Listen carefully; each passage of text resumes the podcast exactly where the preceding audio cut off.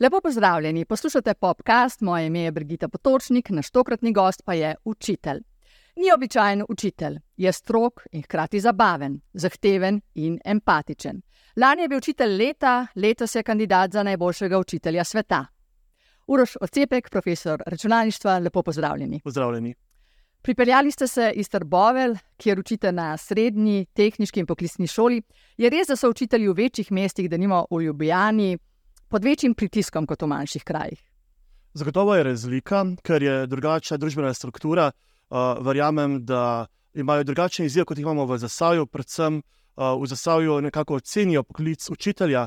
Um, je še neka avtoriteta, je neka figura, ki je pomembna pri odraščanju otroka, morda pa v velikih mestih pa tega ni več tako. Menda se zgodi tudi, da starši pripeljejo s seboj odvetnika.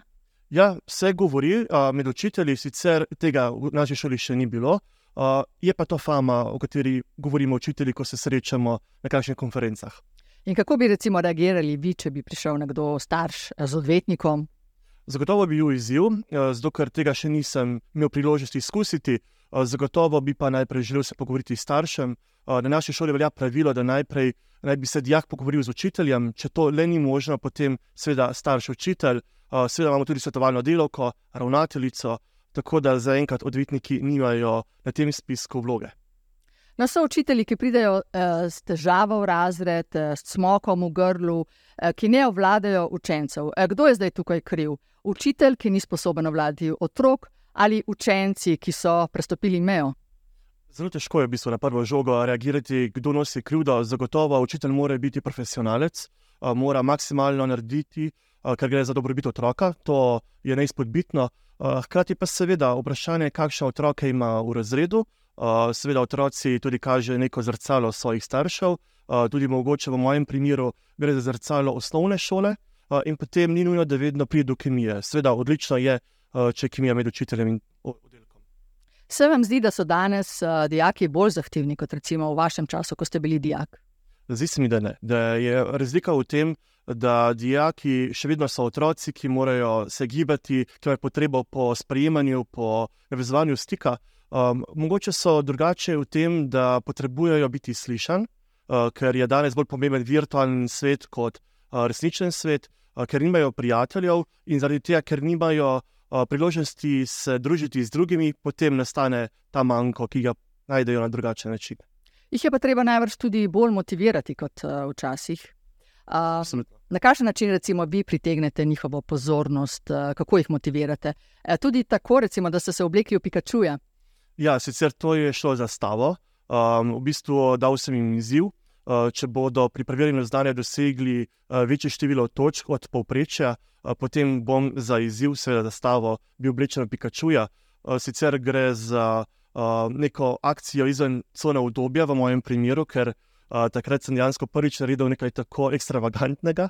Hkrati pa sem se s tem tudi odprl in dejansko pokazal otrokom, da tisto, kar obljubiš, moraš izpolniti. Sicer pa, kot ste rekli, ja, motivacija je ključnega pomena in veliko črpam nekako iz svojega življenja, da dijakom, ko predavam računalniške vsebine, pokažem, kje je to uporabno, kje sem že uporabil ta znanja. Prej, recimo, ko ste rekli, da ste se oblekli v Pikačuja, pa se niste s tem bali, da boste izgubili avtoriteto? Ja, absolutno. Ne samo avtoriteto strani dijakov, ampak tudi kolegov, sodelavcev, um, ker se veste, so različne pričakovanja. Uh, Mar si kdo še vedno misli, da je učitelj neka sterilna figura, ki vse ve in je popoln. Um, ampak, ko sem to naredil, je dejansko odrešilno za me v resnici, ker sem se bolj odprl tudi za medijsko izpostavljanje, ne samo v odnosu do dijakov. Pa kaj so vam rekli učitelji, to, kar pravite, da, da so bili nekateri, bom rekla, proti? Ja. Tiste, ki so bili proti, mi tega sicer niso rekli, so pa seveda s tem, ko so ignorirali to dejstvo, da se je zgodilo, da so šli mimo mene, tudi nekaj sporočili. Je bilo pa seveda predvsej tudi kolegov, um, ki sem jih pozitivno presenetil, res pa, da so bili v šoku. E, prej sem na začetku omenila, da ste e, strog učitelj. Je sicer pri vašem predmetu veliko negativnih ocen? Ja, negativnih ocen je predvsej. Uh, lahko povem čisto sveže. Pisali smo prvem letniku programiranja, bilo je več kot tretjina negativnih ocen, uh, ker je pričakovano, gre za neko začetno snov, gre za abstraktno razmišljanje. In ker v prvem letniku nekateri še niso prišli do nekega kognitivnega razvoja, ki se pričakuje v tem obdobju, se tudi poseliča težave. Vedno pa seveda dijakom povem, da imam dodatno razlago, da sem na voljo, da jim lahko prisluhnem, seveda pa morajo oni pokazati zanimanje za predmet in voljo, da želijo popraviti ocene. Se pravi, zahtevni ste, kako uspešni so pa potem vaši dijaki na poklicni maturi? Ja, dijaki so zelo uspešni. Tudi recimo pri programiranju, ki je v prvem letniku rak rana, dijaki imajo probleme, kot že rečeno, predvsem negativnih vsebin, potem na poklicni maturi nimajo s tem težav, ker dejansko štiri leta jih pripravljam, tudi sam sem avtor nalog na poklicni maturi z področja računalništva, tako da nekako vem, kako jih pripraviti, seveda pa morajo sami vložiti največ truda. No, doktorirali ste iz umetne inteligence in imate zaslugo za to, da je Srednja tehnička in poklicna šola v Trbovljah prva šola v Sloveniji, v kateri se dijaki že osmo leto ne, ukvarjajo z umetno inteligenco. Več projektov ste izvedli, oziroma vaši dijaki pod vašim mentorstvom, in zato dobili tudi nagrade. Na kateri projekt ste, recimo, še posebej ponosni? Največji pomeni BCI slikar, torej slikanje z mislimi, ker imate kapo in potem z osmimi elektrodami zaznate vaše možganske signale in potem slikate na digitalno platno. Predvsem zato, ker smo uporabili tehnologijo, ki je bila v trenutku, ko je bila izdana, tudi v naših rokah, tako da smo bili čisto sveži in aktualni, kar se tiče učne vsebine. Sodelovala sta tudi dva dijaka, tako da sta tehnologijo ne samo spoznala, tudi jo uporabila in seveda dobili smo tudi priznanje strani Gospodarske zbornice Slovenije, kar pa ni kar tako, ker smo prva šola, ki to dosegla. Kaj pa sicer mislite o umetni inteligenci, kako na njo gledate, zgolj z navdušenjem ali tudi strahom, pomisleki? Čeprav sem tehnolog, oziroma inženir računalništva, zagotovo me to področje zelo zanima, ampak hkrati pa se zavedam pasti in dijake vedno učim bipolarno, torej kaj je dobro, kje lahko nekaj uporabimo za dobrobit človeštva, pa kje so pasti. Ne samo v smislu, da so pozorni, kaj družba ali pa mogoče nadvlada v bistvu dela glede umetne inteligence, ampak tudi, da so oni ustvarjalci vsebin, ki bodo pomagali človeštvu, ne pa jih zasužnile. No, ena od slabosti je najbrž tudi ta, da to goljufanje pri izpitih. Ja, predvsem pri domačih nalogah.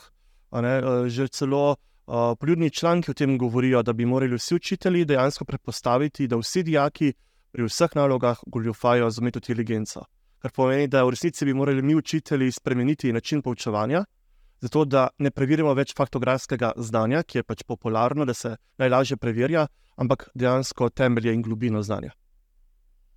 Je pa res, ne, da učiteljev manjka in da je mogoče tudi umetna inteligenca bo prevzela delo učiteljev. Kar...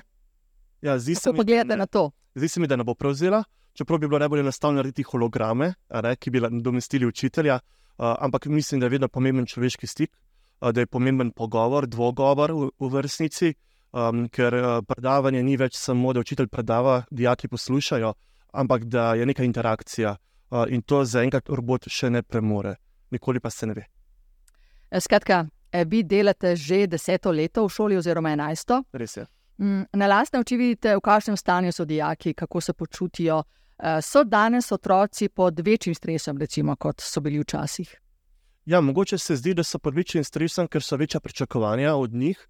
Uh, predvsem zato, ker danes je uh, na voljo katerakoli pot, da jo lahko dosežejo, v smislu, da ko se odločajo za neko šolo, potem lahko dokončajo doktorat v vseh možnih poteh. Niso uh, regulirani, kot so nekoč, recimo v naših časih, je bilo zelo pomembno, za kakšno šolo se odločijo. In potem se včasih zdi, da imajo starši visoka pričakovanja, nekako svoje uh, želje reflektirajo na otroke, in potem bodi si so obremenjeni glede aktivnosti, ki jih počnejo, uh, po drugi strani pa tudi glede ocen. No, so zadnje.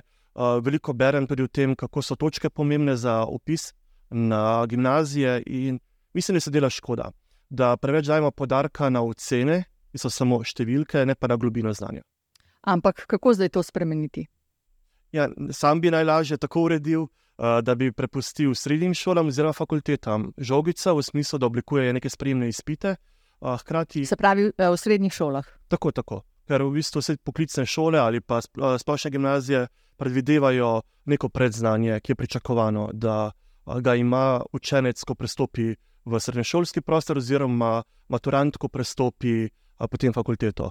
In s tem, ko bi mi sporočili v bistvu učencu oziroma dijaku za opis na fakulteto, katere vsebine so ključne, potem dejansko mu damo možnost, da se maksimalno pripravi, ne bi se prerekali, ali je poklicna matura ali splošna matura več vredna, ampak vsi imajo enake možnosti, maksimalno se potrudi, pa hkrati dobi fakulteta potrebno znanje. Na te dodatne obveznosti, recimo, predlog je bil, da bi imeli otroci prvi tuji jezik obvezen že v prvem razredu, drugega od sedmega razreda naprej, pa novosti glede nacionalnega preverjanja znanja. Smo torej do otrok preveč zahtevni? Ja, zdi se mi, da mogoče, če pogledamo aktualno prenovo, uh, bolj kot ne, krpamo neke luknje. Ne? Torej, dodajamo znanja določenim predmetom, uh, biologija se vse možne uh, stvari dejansko širi, se dodaja genetika in tako naprej. In ni nujno, da so dijak, um, učenci na tej stopni dojemljivi za ta znanja uh, in mogoče stvar prezahtevna. Um, sam bi pa mogoče bo bogoskrunsko uh, dejansko dal prazen list papirja, pogovorimo se, katere vsebine so pomembne za našega otroka, recimo tudi tradicionalno znanje o naši kulturi, o naši torej dediščini v resnici, uh, in potem dejansko naredimo nov predmetnik. Danes pa nažalost skrpamo. Um, pri nekaterih predmetih, kot je matematika, odozamemo znanje, pri katerih predmetih dodajamo znanje. Ni pa nujno, da je to optimalno za naše otroke v današnjem času. No, ampak uh, recimo, otroci pravijo, uh, pa zakaj bi se učili recimo, na pamet uh, toliko podatkov, če imamo splet in lahko v nekaj sekundah vse izvemo tam. Um, se v šolah res učijo preveč stvari na pamet, preveč podatkov in tako naprej. Ja, um, v tem sem predvsej bral. Tudi dejansko, ko so začeli o tem govoriti, da je faktografsko um, znanje prioriteta v šoli, uh, sem prebral znanstvene članke z tega področja. Uh, in v resnici nekateri zagovarjajo, da je to dobro v smislu priklica, da se uri delovni spomin in seveda tudi dolgotrajni spomin. Seveda, dejstvo je, da danes je znanje dostopno preko spleta. Vprašanje je, če je kritično razmišljanje ustrezno če dejansko otroci znajo prepoznati, kaj je pravilno, kaj je neustrezno v smislu lažnih novic. Um, hkrati pa se mi zdi, da kljub temu, da nekatera znanja so pomembna in ključna, potem oni so lahko um, kritični. In če imajo neko znanje, potem lahko tudi poiščajo. Če pa oni ne vedo, da obstaja nekaj v zadju, vprašanje je, če bodo sploh pomislili, da bi nekaj poiskali na spletu. Tako da je treba premisliti in kot že rečeno, uh, bi morali strokovnjaki tudi o tem razglabljati. Pa tisto, kar večkrat podarjam, premalo krat učitelje vprašajo za mnenje pri takšni stvari. Sicer glede uh, tujega jezika v prvem razredu, zadeva naj bi že padla v vodo. Um, vsebina je preobsežna, recimo pri določenih predmetih.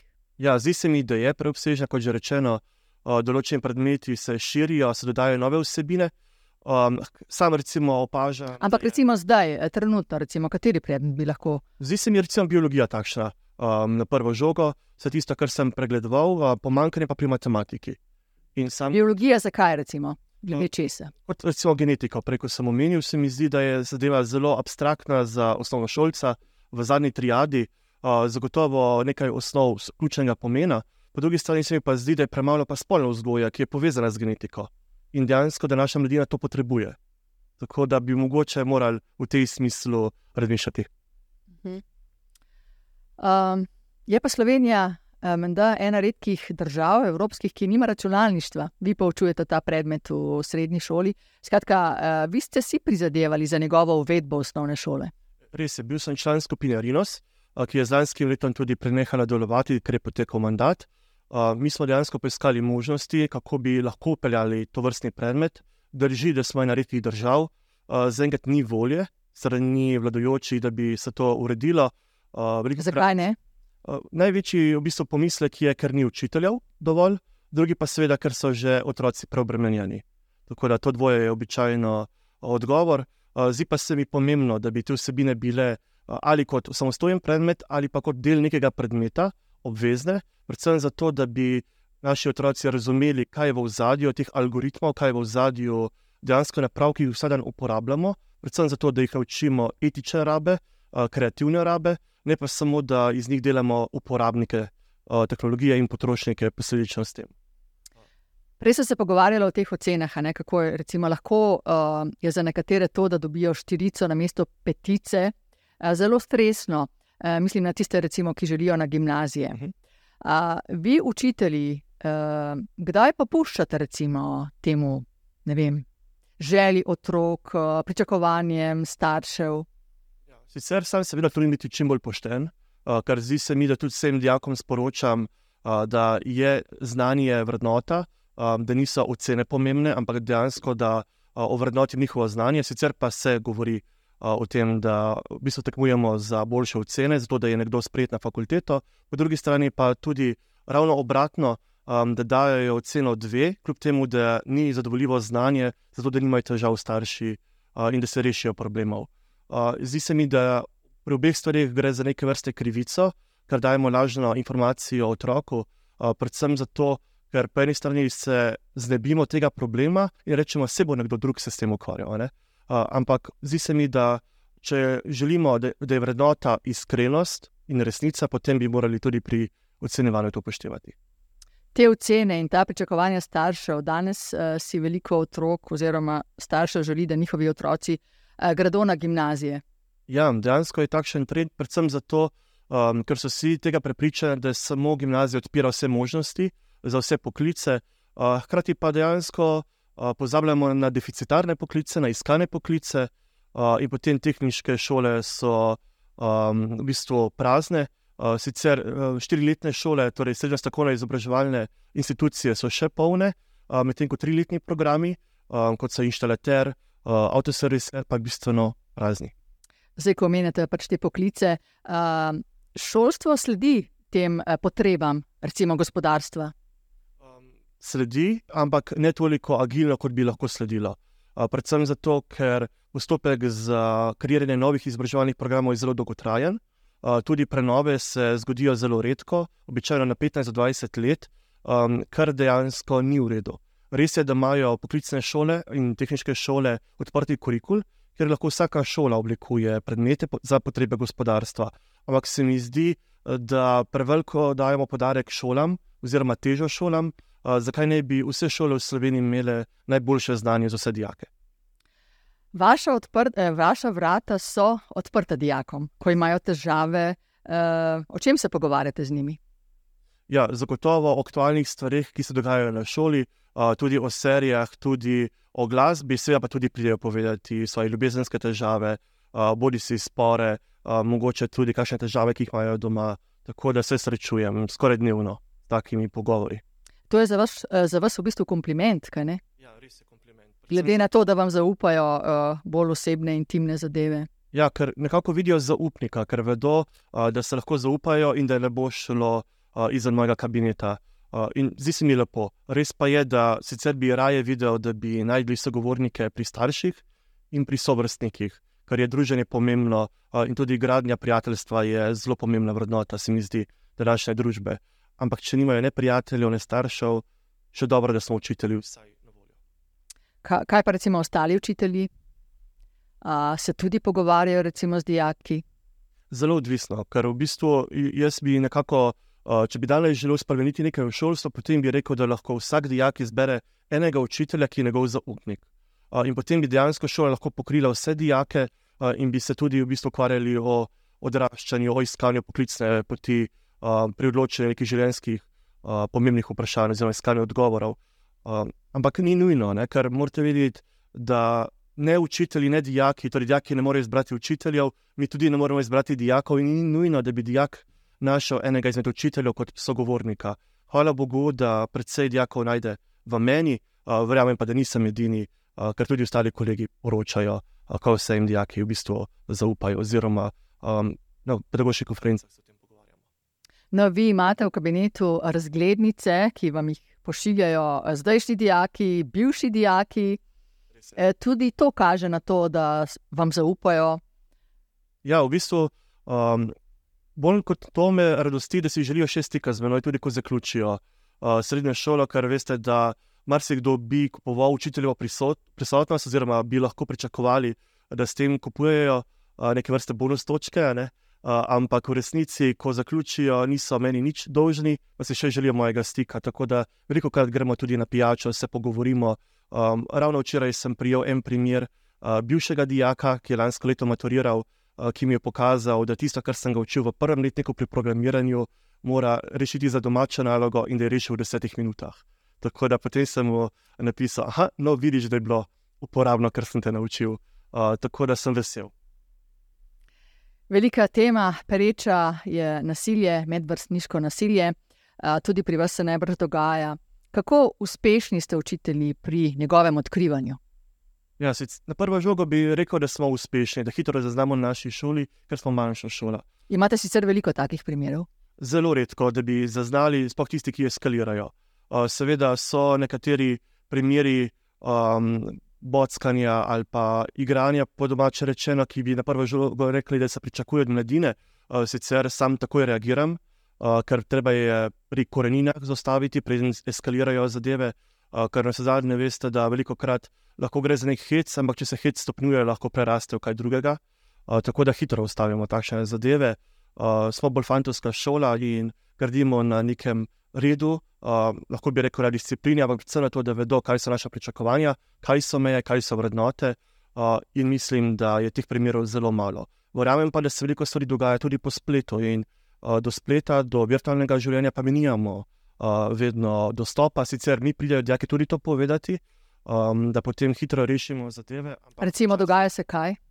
Recimo, da se norčujejo uh, iz sošolca, se posnamejo tudi izven šole. Uh, tudi popularno je ob večernih urah, ko gredo žurirati, uh, in potem se norčujejo um, iz popivanja ali pa neprimernega vedenja.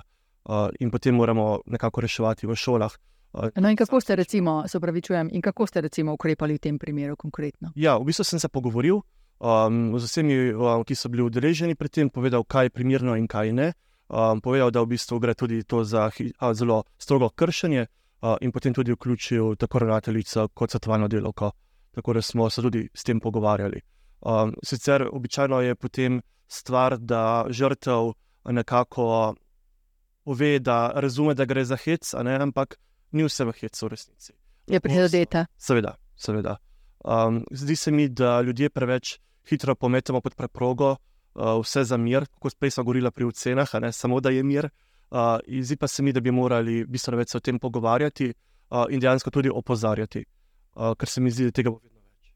Kaj pa recimo starši, jih vključite v te pogovore? Tudi ja, starše vedno pokličemo, obveščamo, uh, ker običajno se zgodi tudi to, da dijaki skrivajo pred starši, ker se jim zdi mogoče sramotno, uh, da so bili šipki, da se je nekdo podrčeval iz njih. Uh, in vedno uh, dejansko žrtvijo, ko se pogovarjam, vedno povem, da tudi sam sem bil deležen uh, norčevanja, da nisem bil priljubljen kot uh, sošolec v osnovni šoli. In se mi zdi pomembno um, spregovoriti, da to ne pomeni, da je nekdo šibek, uh, ampak da mora nekako se postaviti zase. Niste bili priljubljeni, zakaj? Zato, ker sem bil štoras pri športni vzgoji, um, sem bil zelo neroden uh, in seveda sem bil običajno vedno zadnji, ki so ga izbrali za kakšno ekipno tekmovanje. Um, tudi jaz vam povem, da sem prišel na kepan domov, uh, polit z jogurtom, uh, tako da vse to se mi je dogajalo uh, v prvih začetnih osnovnošolskih letih. Vedno rečem, sej dobite trdo kožo, ampak zakaj bi morali na takšen način jo dobiti? Pa ste takrat zaupali to, kateremu od učiteljev ali doma? Ne? Ne. Ravno preko ste omenili, da so dijaki drugačni. Takrat, ko sem bil sam v osnovnih šolah, niti nismo pomislili, da bi svojim učiteljem ali pa razrednikom zaupali osebne težave. Zdelo se nam je, da je učitelj samo uh, nek prenašalec znanja, nek predavatelj, ne pa toliko zaupnik. In sam nikoli nisem pomislil, da bi svoje osebne težave. Uh, k sreči pa se, da sem imel doma podporo in starši so takoj videli, da so me pričakali, uh, ko sem prišel moker uh, in umazan. Ampak um, zdi se mi ključno to, da se starši pogovarjajo um, da zaupajo, da spremljajo otroka takšen, kot je, uh, in da nimajo potem nekih dodatnih pričakovanj. Na to, kar ste omenili, uh, najbrž tudi zdaj so nekateri učitelji taki, ki uh, mislijo, da, nis, da niso zaupniki, oziroma da ni njihova vloga v tem. Ja, ker v bistvu vsak se lahko odloči, kakšen učitelj bo. Lahko je samo uh, posredovalec znanja, uh, lahko pa je več kot učitelj, ker če si učitelj srcem uh, in z razumom, potem dejansko veš, da ne samo daš neko znanje, ampak dejansko uh, tudi proizvajaš vrednote, tudi pokažeš, kaj si ti želiš, kakšna je bila družba v prihodnosti. In v resnici uh, ta mladina bo odločila, ko bom bil v starosti. In če želim pokazati, kakšno družbo želim, potem moram tudi uh, svojim destovanjem pokazati vrednote. No, če se vrnemo k nasilju, pred dnevi smo slišali za nasilje na eni od kranskih osnovnih šol.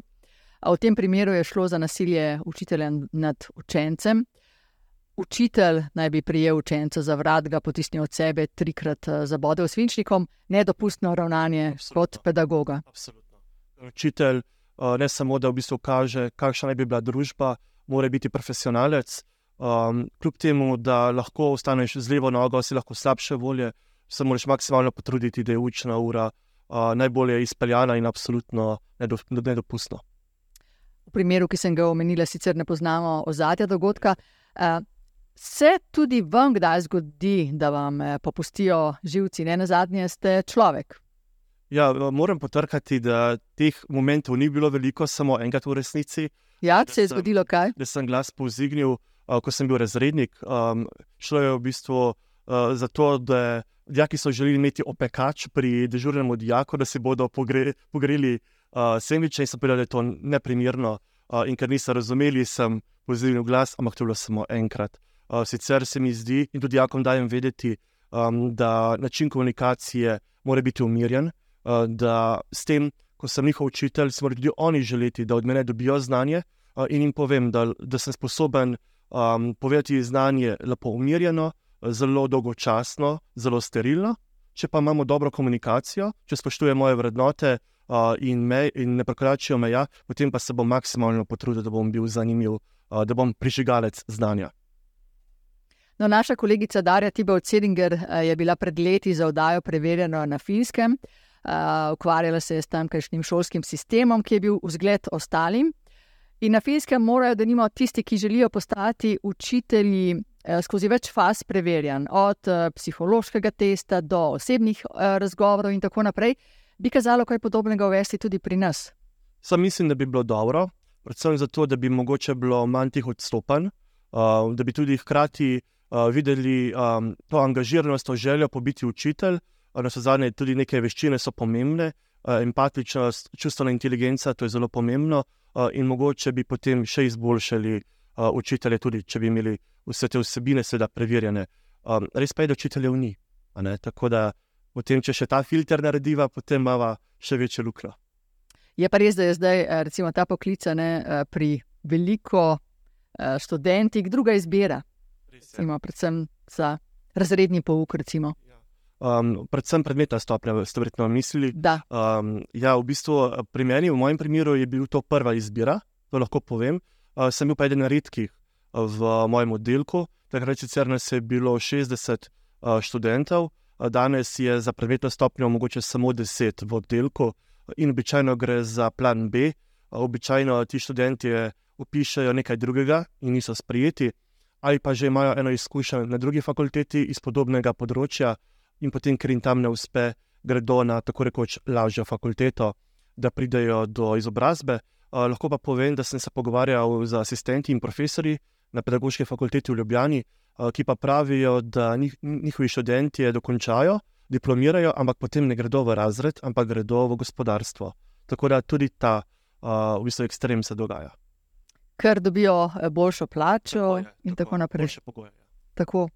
Uh, no, so tudi učitelji, ki so sicer uh, odlični uh, v poznavanju snovi, ki jo učijo, niso pa recimo uh, pedagogi in morda učencem ne zmorejo m, razložiti snovi, da bi jo ti razumeli. To so namreč očitki dijakov. Kaj bi recimo rekli takim dijakom in učiteljem? Ja. Če gre v bistvu že za nek primer, ki je recimo na naši šoli hipotetično, a, potem nekako vedno grem, da a, morajo oni biti navajeni na vse vrste ljudi, ker smo tudi dejansko vsi različni med seboj. A, tudi sam trdim, da bi moral učenec biti čim bolj heterogeno skupino učiteljev vendar vedno rečem, da če je učitelj dojemljiv, če je pripravljen prisluhniti, potem ne gredo do profesorja, mu povedo, da nečesa niso razumeli, ali pa da bi potrebovali nekoliko drugačno razlago, ali pa mu celo svetujejo, na kakšen način bi si želeli, da nekaj razložijo. Tudi dijaki mi včasih um, dajo nek primer ali pa pošljajo nek video uh, iz YouTube v smislu, profesor, pogledajte, kako so tukaj razložili programiranje. In zakaj ne? ker tudi mi se dejansko učimo.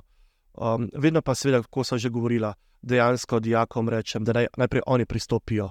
Um, ker če učitelj učitelju reče, lahko včasih tudi gre za kakšne vrste napad, oziroma misli, da ne gre za dobrohotno um, željo, oziroma um, dobrohotni nasvet. Ampak ja, zdi se mi, da če je vsaj malo človek, če se želi napredovati, potem bo vsak učitelj prisluhnil dijakom. Če se vrnemo nazaj na nasilje, Mm, tudi učitelji ga najbrž eh, doživljate kdaj. Ja, seveda pride kdaj uh, tudi do tega. Sicer samo moram reči, da nimam bistveno izkušenj. So se kdaj dijaki podnorčevali in sem slučajno videl sliko v smislu, da nisem pravično ocenjeval, oziroma da sem imel takšno nalogo uh, tako zagonetno, zato da bojo bile negativne ocene. Uh, seveda sem se potem z dijaki pogovoril in tudi povedal, da, sem, uh, da je ta slika prišla do mene, kljub temu, da je bila v zasebni skupini. Facebooku. Ja, šlo je za karikaturo. Ja, v bistvu za karikaturo, um, kjer v bistvu so napisali, sicer točno se ne bom spomnil, ampak v tem smislu, um, dajmo težko nalogo, samo da bo negativne ocene, nekaj tašnega. Uh, ampak sem povedal, da jaz razumem hec. Uh, pojavila se je uh, dva tedna prej tudi ena podobna karikatura, kjer pa je dejansko šel za hec v smislu, da sem strok učitelj in da sem glavni sovražnik v računalniški igrici, ki me morajo premagati do konca leta, ampak sem razumel, da je to stvar hudomušna. Te zadeve pa nisem tako razumel in sem jim povedal, da razumem hec, ampak želim, da so do mene spoštljivi in da je bilo to neprimerno. In kljub temu, da sem vedel, kdo je bil avtor te karikature, nisem potem sankcioniral, sem pa dal jasno vedeti, da je šel čez mejo. Vas je to prizadelo? Um, ja, zato ker v bistvu je bilo to v mojih prvih letih poučevanja, ko nekako se trudiš biti čim bolj pošten, dati maksimalno od sebe in daleč od tega, da bi dal nalogo, da bi nekoga kaznoval, oziroma kaznoval krce v razred. No, še huje je morda to, ne? E, ko nekateri učenci snemajo učitelja in to res potem je. objavijo na spletu. Res je, res je. Tudi to se dogaja, tudi se, se vidi po medijih. Uh, hvala Bogu, uh, tega še nisem doživel, upam, da tudi ne bom. Je pa zagotovo neprijetno, ker dejansko potem lahko tudi poruši avtoriteto od učitelja uh, in pusti neke trajne posledice v resnici. Če greva zdaj eh, k, tem, k temu, koliko učitelji delate, eh, pa tudi eh, k plačami. Mrzikomu gre v nos, da imajo, oziroma imate učitelji jesenske, pa zimske, poletne počitnice. Koliko, recimo, v resnici delate vi kot učitelj? Ja, zdaj, zelo je odvisno od šole do šole, predvsem od ravnatelja oziroma direktorja um, kako zdaj bo redi. Mi imamo tudi medicinskimi počitnicami, recimo izobraževanja, uh, potem poleti začnemo bistveno kasneje z dopustom, kot recimo v osnovni šoli, ker imamo poklicno maturo. Um, tako da tudi ta del, uh, bistveno prej tudi začnemo. Se pravi, uh, junija, recimo od junija, junija naprej, koliko delate? Mi začnemo običajno z 10. julijem uh, in pridemo po 15. augustu nazaj. To recimo je naš primer med poletjem. Takrat ste prosti. Tako prosti vmes. Um, tako da mi se v bistvu dejansko že pripravljamo na začetek šolskega leta, um, pripravljamo poklicno maturo, popravne izpite, um, načrtujemo, imamo sestanke aktivov in tako naprej. Uh, seveda pa tudi kroži med učitelji, um, da nekateri začnejo mogoče dva, tri dni pred septembrom šele um, delati na šoli, da imajo bistveno daljše dopuste. To ste slišali, veste. Um, Res je pa tudi, da na šoli, ko ni učencev, uh, lahko urejate zgolj birokratske zadeve. In takrat, ko jih recimo končate, lahko greste domov. Tudi to se govori, pri nas tega ni. Imamo točno določen uh, urnik, torej, uh, da smo uh, na šoli, koliko ur, uh, tudi kaj se pred, je predvideno, da naredimo v tem času. Torej, so neke aktivnosti, ki niso samo birokratske, uh, kot že rečeno, veliko je načrtovanja, tudi ogromno je refleksije, uh, ker moramo pisati poročila moramo tudi v bistvu urejati šolsko kroniko. Tako je precej zadev, ki seveda niso povezane s samim poukom, ker nismo v razredu. Je pa res, da je bolj mirno takrat, ker ni otrok, ampak meni v resnici so ljubši dnevi, ko so na šoli. Mhm. Je pa res, da je seveda to odvisno tudi od učitelja do učitelja, to, kar ja, ja. o tem, koliko delajo. Ja, seveda. Tako naprej. Stvar posameznika. Um, seveda um, je tudi fama, da učitelj vsako leto enako predava na enak način. Uh, ampak, če res se nekdo maksimalno trudi, potem bo vsako leto poiskal neko novo alternativo, uh, tudi naredil samo refleksijo v smislu, kaj je bilo dobro v tem letu in kaj ne. Uh, in sam dejansko tudi programiranje, ko poučujem vsako leto na drugačen način, uh, nekako predavam, oziroma drugačen način razložim, ker na zadnje vsako leto imam novo generacijo otrok, uh, ki so bistveno drugačni. Tudi z njimi se pogovarjam, recimo o učnih stilih, uh, učenju, kako bi se morali učiti in tako naprej. In če si dojemljiv, potem je vsako leto drugače. Je pa najlažje, če kopiraš od preteklega leta, to pa drži. Je pa seveda res tudi, da učiteljem ni lahko, vsaj potem bi lahko sklepali, koliko učiteljev manjka. Mm, nekatere šole rešujejo kadrovsko stisko, študenti pa upokojenci, s tem, da, da nima učitelj geografije, uči fiziko. E, Ministrstvo za vzgojo in izobraževanje poskuša problem med drugim rešiti tudi s štipendijami, ampak kandidatov je bilo manj kot razpisanih štipendij. Zakaj mladih ne zanima več to delo? Zagotovo, ker obstajajo alternative za podobno stopnjo izobrazbe v gospodarstvu, bolje plačene. Um, zdaj lahko povem, kot razrednik sem svoje dijake, torej sem dijak, um, razrednik prvim letnikom, dal anketo, kaj želijo postati. In na prvem, uh, prva točka je biti bogat. In očitno nekaj smo naredili na robe, mogoče že v osnovni šoli, mogoče starši. Uh, in če gledajo res materialistično, potem zagotovo ni učiteljski poklic perspektiven poklic. Uh, seveda, če bi bila ta regulativa, da bi izenačili poklice, potem bi se bolj um, odločili. Pa tudi zdi se mi, da so učitelji premalo vključeni v družbena vprašanja, tudi premalo izpostavljeni. Ok, sedaj sem kot učitelj izpostavljen, bistveno bolj, um, ampak zdi se mi, da smo samo posredovalci znanja v resnici, uh, nek rutinski, um, rutinski človek, ki ima neko znanje, ki ga daje naprej, ne pa toliko soodločevalec, pa imamo dejansko informacije z terena uh, vemo, kakšni so otroci in kaj bi mogoče spremenili v šolskem sistemu. Je pa morda razlog tudi plača, uh, zakaj uh, me zanima. Zdaj, uh, tukaj imam podatke uh, Sindikata vzgoje, izobraževanja, znanosti in kulture Slovenije. In sicer eh, lanska povprečna plača učitelja osnovne in srednje šole eh, 2255 evrov bruto, eh, plača učitelja začetnika 1614 evrov bruto, Uh, vi ste zadovoljni s svojo plačo? Ja, sam sem zadovoljen s plačo, predvsem zato, ker sem vstopil v učiteljski poklic, ko je bilo bistveno nižja plača kot je danes začetna plača učitelja. Uh, zdi se mi, da sem v desetih letih pridobil na plači, dejstvo pa je, da sem v teh letih veliko naredil in potem, seveda, napredovanje je bila samo posledica uh, dela moje angažiranosti, uh, dobrobit dijakov. Um, dejstvo pa je, da začetna plača je še vedno nizka, s premljivimi poklici uh, in verjetno zato potem ni takšnega zanimanja. Dobivate sicer veliko mamljivih ponudb, recimo iz uh, gospodarstva? Ja, jih dobivam uh, tudi iz izobraževalnih institucij, uh, ampak zaenkrat mi ta svoboda, ki jo imam na moji šoli, um, daje voljo, da ustrajam. Nekako se vidim, da bi lahko dočakal upokojitev uh, v tem poklicu. Um, res pa je, da težko ne povem, kaj bo, kakšen bo poklic prihodnosti, kako se bo naš sistem mogoče spremenil. Uh, ampak zaenkrat sem zelo motiviran, da ostanem v tem poklicu. Ampak ta problem eh, pomankanja kadrov, ki sicer, sicer tudi eh, drugot v tujini, kako to rešiti? Zagotovo promocija poklica, absolutno. To mogoče, da bi že navdihovali učence v osnovnih šolah za ta poklic, ne samo v srednji šoli, ker običajno v srednji šoli potem se odločajo za fakulteto. Zagotovo, da so učitelji bolj pogosto v medijih, pri raznih vprašanjih, da se kaže dobra praksa biti učitelj, a hkrati s tem, ko se dvigne ugled, potem bo marsikdo bil prepričan, oziroma videl, da tudi jaz bi bil. No, tako kot recimo so bili resnični šovi, narejeni za gostinstvo, in potem se je um, ugled kuharja dvignil, bi lahko nekaj podobnega se tudi na tem naredilo. Je sicer uh, uh, ni to ugleden poklic, uh, poklic učitelja? Za me je ugleden poklic, zato ker, kar se tiče moje regije, se čutim cenjenega. Tudi večkrat povem, da meni je pomembno, da me dijaki sprejmejo, da vidim, da me poslušajo, da si želijo moje družbe in jaz se počutim cenjenega, kar se tega tiče. Ampak, če pa pogledamo poklic, kakšen je bil nekoč, potem lahko rečemo, da včasih so bili duhovnik, učitelj, župan, pravnik, zdravnik, najpomembnejši gospodje na vasi danes pa mislim, da so vsi razen učitelja. Je pa to poslanstvo biti učitelj. In, uh, uh, kaj je tisto, recimo, na kar ste najbolj ponosni, kar date recimo, dijakom? Um, zagotovo to. Poleg želijo... znanja, recimo. Ja, predvsem radovednost se mi zdi, da jih želim okužiti z radovednostjo.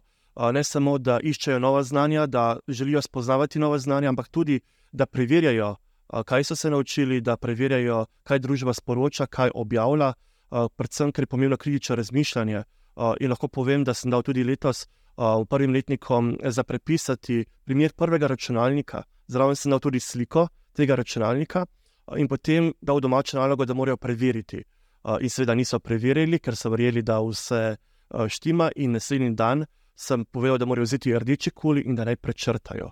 In so bili v šoku, ker niso pričakovali, da jim bom dal lažne podatke o računalniku, ki ne obstaja, in slika, ki jo je naredila umetna inteligenca o računalniku, ki ne obstaja. In če jih to priučim, biti kritičen in radoveden, potem sem naredil veliko za družbo.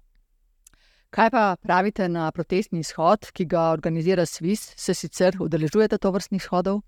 Ja, običajno se ti shodi zgodijo ravno, ko napredujem. Tudi podobna zgodba je danes, sicer na proteste ne grem. Jutri, recimo, oziroma danes, takrat, ko bo predvajan, lahko povem, da pridejo v mojo šolo obiskati osnovno šolci in se mi zdi pomembno, da nekako pokažem, kaj poklic tehnika, v smislu računalničarja, strojnika, elektrotehnika in se bom v to fokusiral. So pa takšni uh, uh, protestni shodi pomembni za učitelje? Pomembni, za dosego ciljev? Um, so pomembni, predvsem tudi zato, um, da mogoče kdo pomisli na nas. Uh, zdi se mi, da včasih smo dejansko uh, na stranskem tiru pri odločanju, bodi si o plačah, bodi si pri ključevanju. Uh, prav je, da opozorimo na se, uh, seveda pa vedno moramo pogledati tudi kontekst, uh, kaj se takrat v družbi dogaja, ali dejansko je tudi denar uh, za boljše plače, boljša situacija. Tako da vedno je dvorezno. Ste kandidat uh, za, na izboru za najboljšega učitelja na svetu, kar sem že omenila. Slovesnost bo prihodnji mesec, kaj ne, v Parizu. Med 7000 kandidati ste se uvrstili med 50 uh, najboljših, uh, na to ste lahko ponosni. Ja, sem zelo ponosen. Res je sicer tudi neka odgovornost, ne, ker sem prvi slovenec, ki je to dosegel.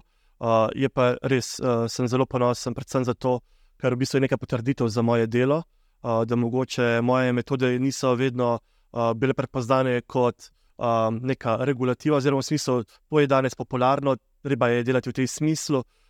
Veliko krat sem tudi štrlel iz poprečja glede tega. In ja, super je občutek, ko vidiš, da te nekdo potrdi, a hkrati, da v bistvu tvoje veščine in metode so tudi uporabne zunaj države, da so mogoče sedaj skalabilne na področju vem, Evrope, Afrike, kjerkoli po svetu. Veselim se tudi, seveda, potovanja v Pariz, pa seveda spoznavanja drugih uh, učiteljev, ki so tudi prišli med 50.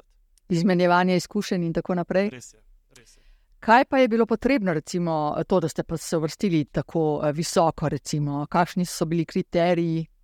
Ja, zagotovo moral sem um, povedati o svojem doprinosu družbi, predvsem na lokalni ravni, regionalni, seveda tudi nacionalni. Um, na kakšne načine sem bil že prepoznan, uh, torej da sem prijel nagrado strani ministrstva um, kot najvišja nagrada Republike Slovenije na področju šolstva, potem tudi kakšne so moje vrednote, um, kako jih privzgajam, potem kako poskrbim, da so moji dijaki, resnični dijaki, pripravljeni za prihodnost. Uh, čeprav sam trdim, da nikoli ne morem pripravljati dijake na prihodnost, lahko pa jih pripravim na današnji dan, ker seveda prihodnost je fleksibilna a hkrati v bistvu, um, kaj so moje glavne točke, pa kje bi lahko a, moje znanje, ki sem ga pridobil kot učitelj, oziroma pri izobraževanju, kako bi lahko pomagal drugim učiteljem zunaj moje države. In to bi lahko kako? Ja, zagotovo bi promoviral upeljavo umetne inteligence, ker tudi v Evropskem okviru so med prvimi. A, naša šola je to uvedla kot predmet a, v šolstvu, potem tudi a, drugačen način skupinskega dela, kot neke vrste agilna metodologija ki sem jo peljal v izobraževanje, uh, in pa seveda, da lahko dejansko že v srednjih šolah naredimo iz dijaka inovatorja, ustvarjalca prihodnosti, kar so tudi moji dijaki postali z mojim delom. Že veste, eh, kdo bo zmagovalec, eh, kdo bo dobil milijon dolarjev, je nagrada? Ne, žal še ne. Če bi dobili milijon dolarjev, kaj bi z njimi? Najprej zagotovo bi naredil raziskovalni center za dijake, da bi dijaki dobili tehnologijo, ki je danes popularna, ker nažalost te tehnologije v šolah ni. Zagotovo bi tudi pomagal učiteljem začetnikom, predvsem da bi jih angažiral pri inovacijskih projektih, da bi naredili inovacije, kot jih tudi sam delam, ker se mi zdi pomembno, da nekako svoje delo reflektiram na druge učitelje. Zagotovo pa bi pomagal tudi starostnikom in osebam s posebnimi potrebami, zato ker živimo v času, ko vsi govorimo o digitalizaciji, ampak ne vem, če dejansko današnja družba jih namerava opremiti za digitalno družbo. In mogoče bi s tem pomagal. Kot učitelj sveta bi pa najbrž tudi uh, promovirali slovenski šolski sistem. Absolutno, absolutno. Vedno trdim, da imamo zelo dober sistem, uh, kljub temu, da včasih uh, slovenski učitelji promoviramo tujega, ne, predvsem skandinavskega, imamo odličen sistem uh, in delamo res zelo dobro. Gospod Uroš, odcepek, najlepša hvala, ker ste bili uh, gost v današnjem podkastu. Uh, želim vam še veliko uspeha in seveda veselja v delu z dijaki. Hvala. Hvala vam in vse dobro. To je bil torej današnji podcast, v katerem smo gostili profesora računalništva Uroša Ocepka. Hvala, ker ste nas spremljali, spremljajte nas še naprej. In, in, in, pushing, in, in, in, in, in.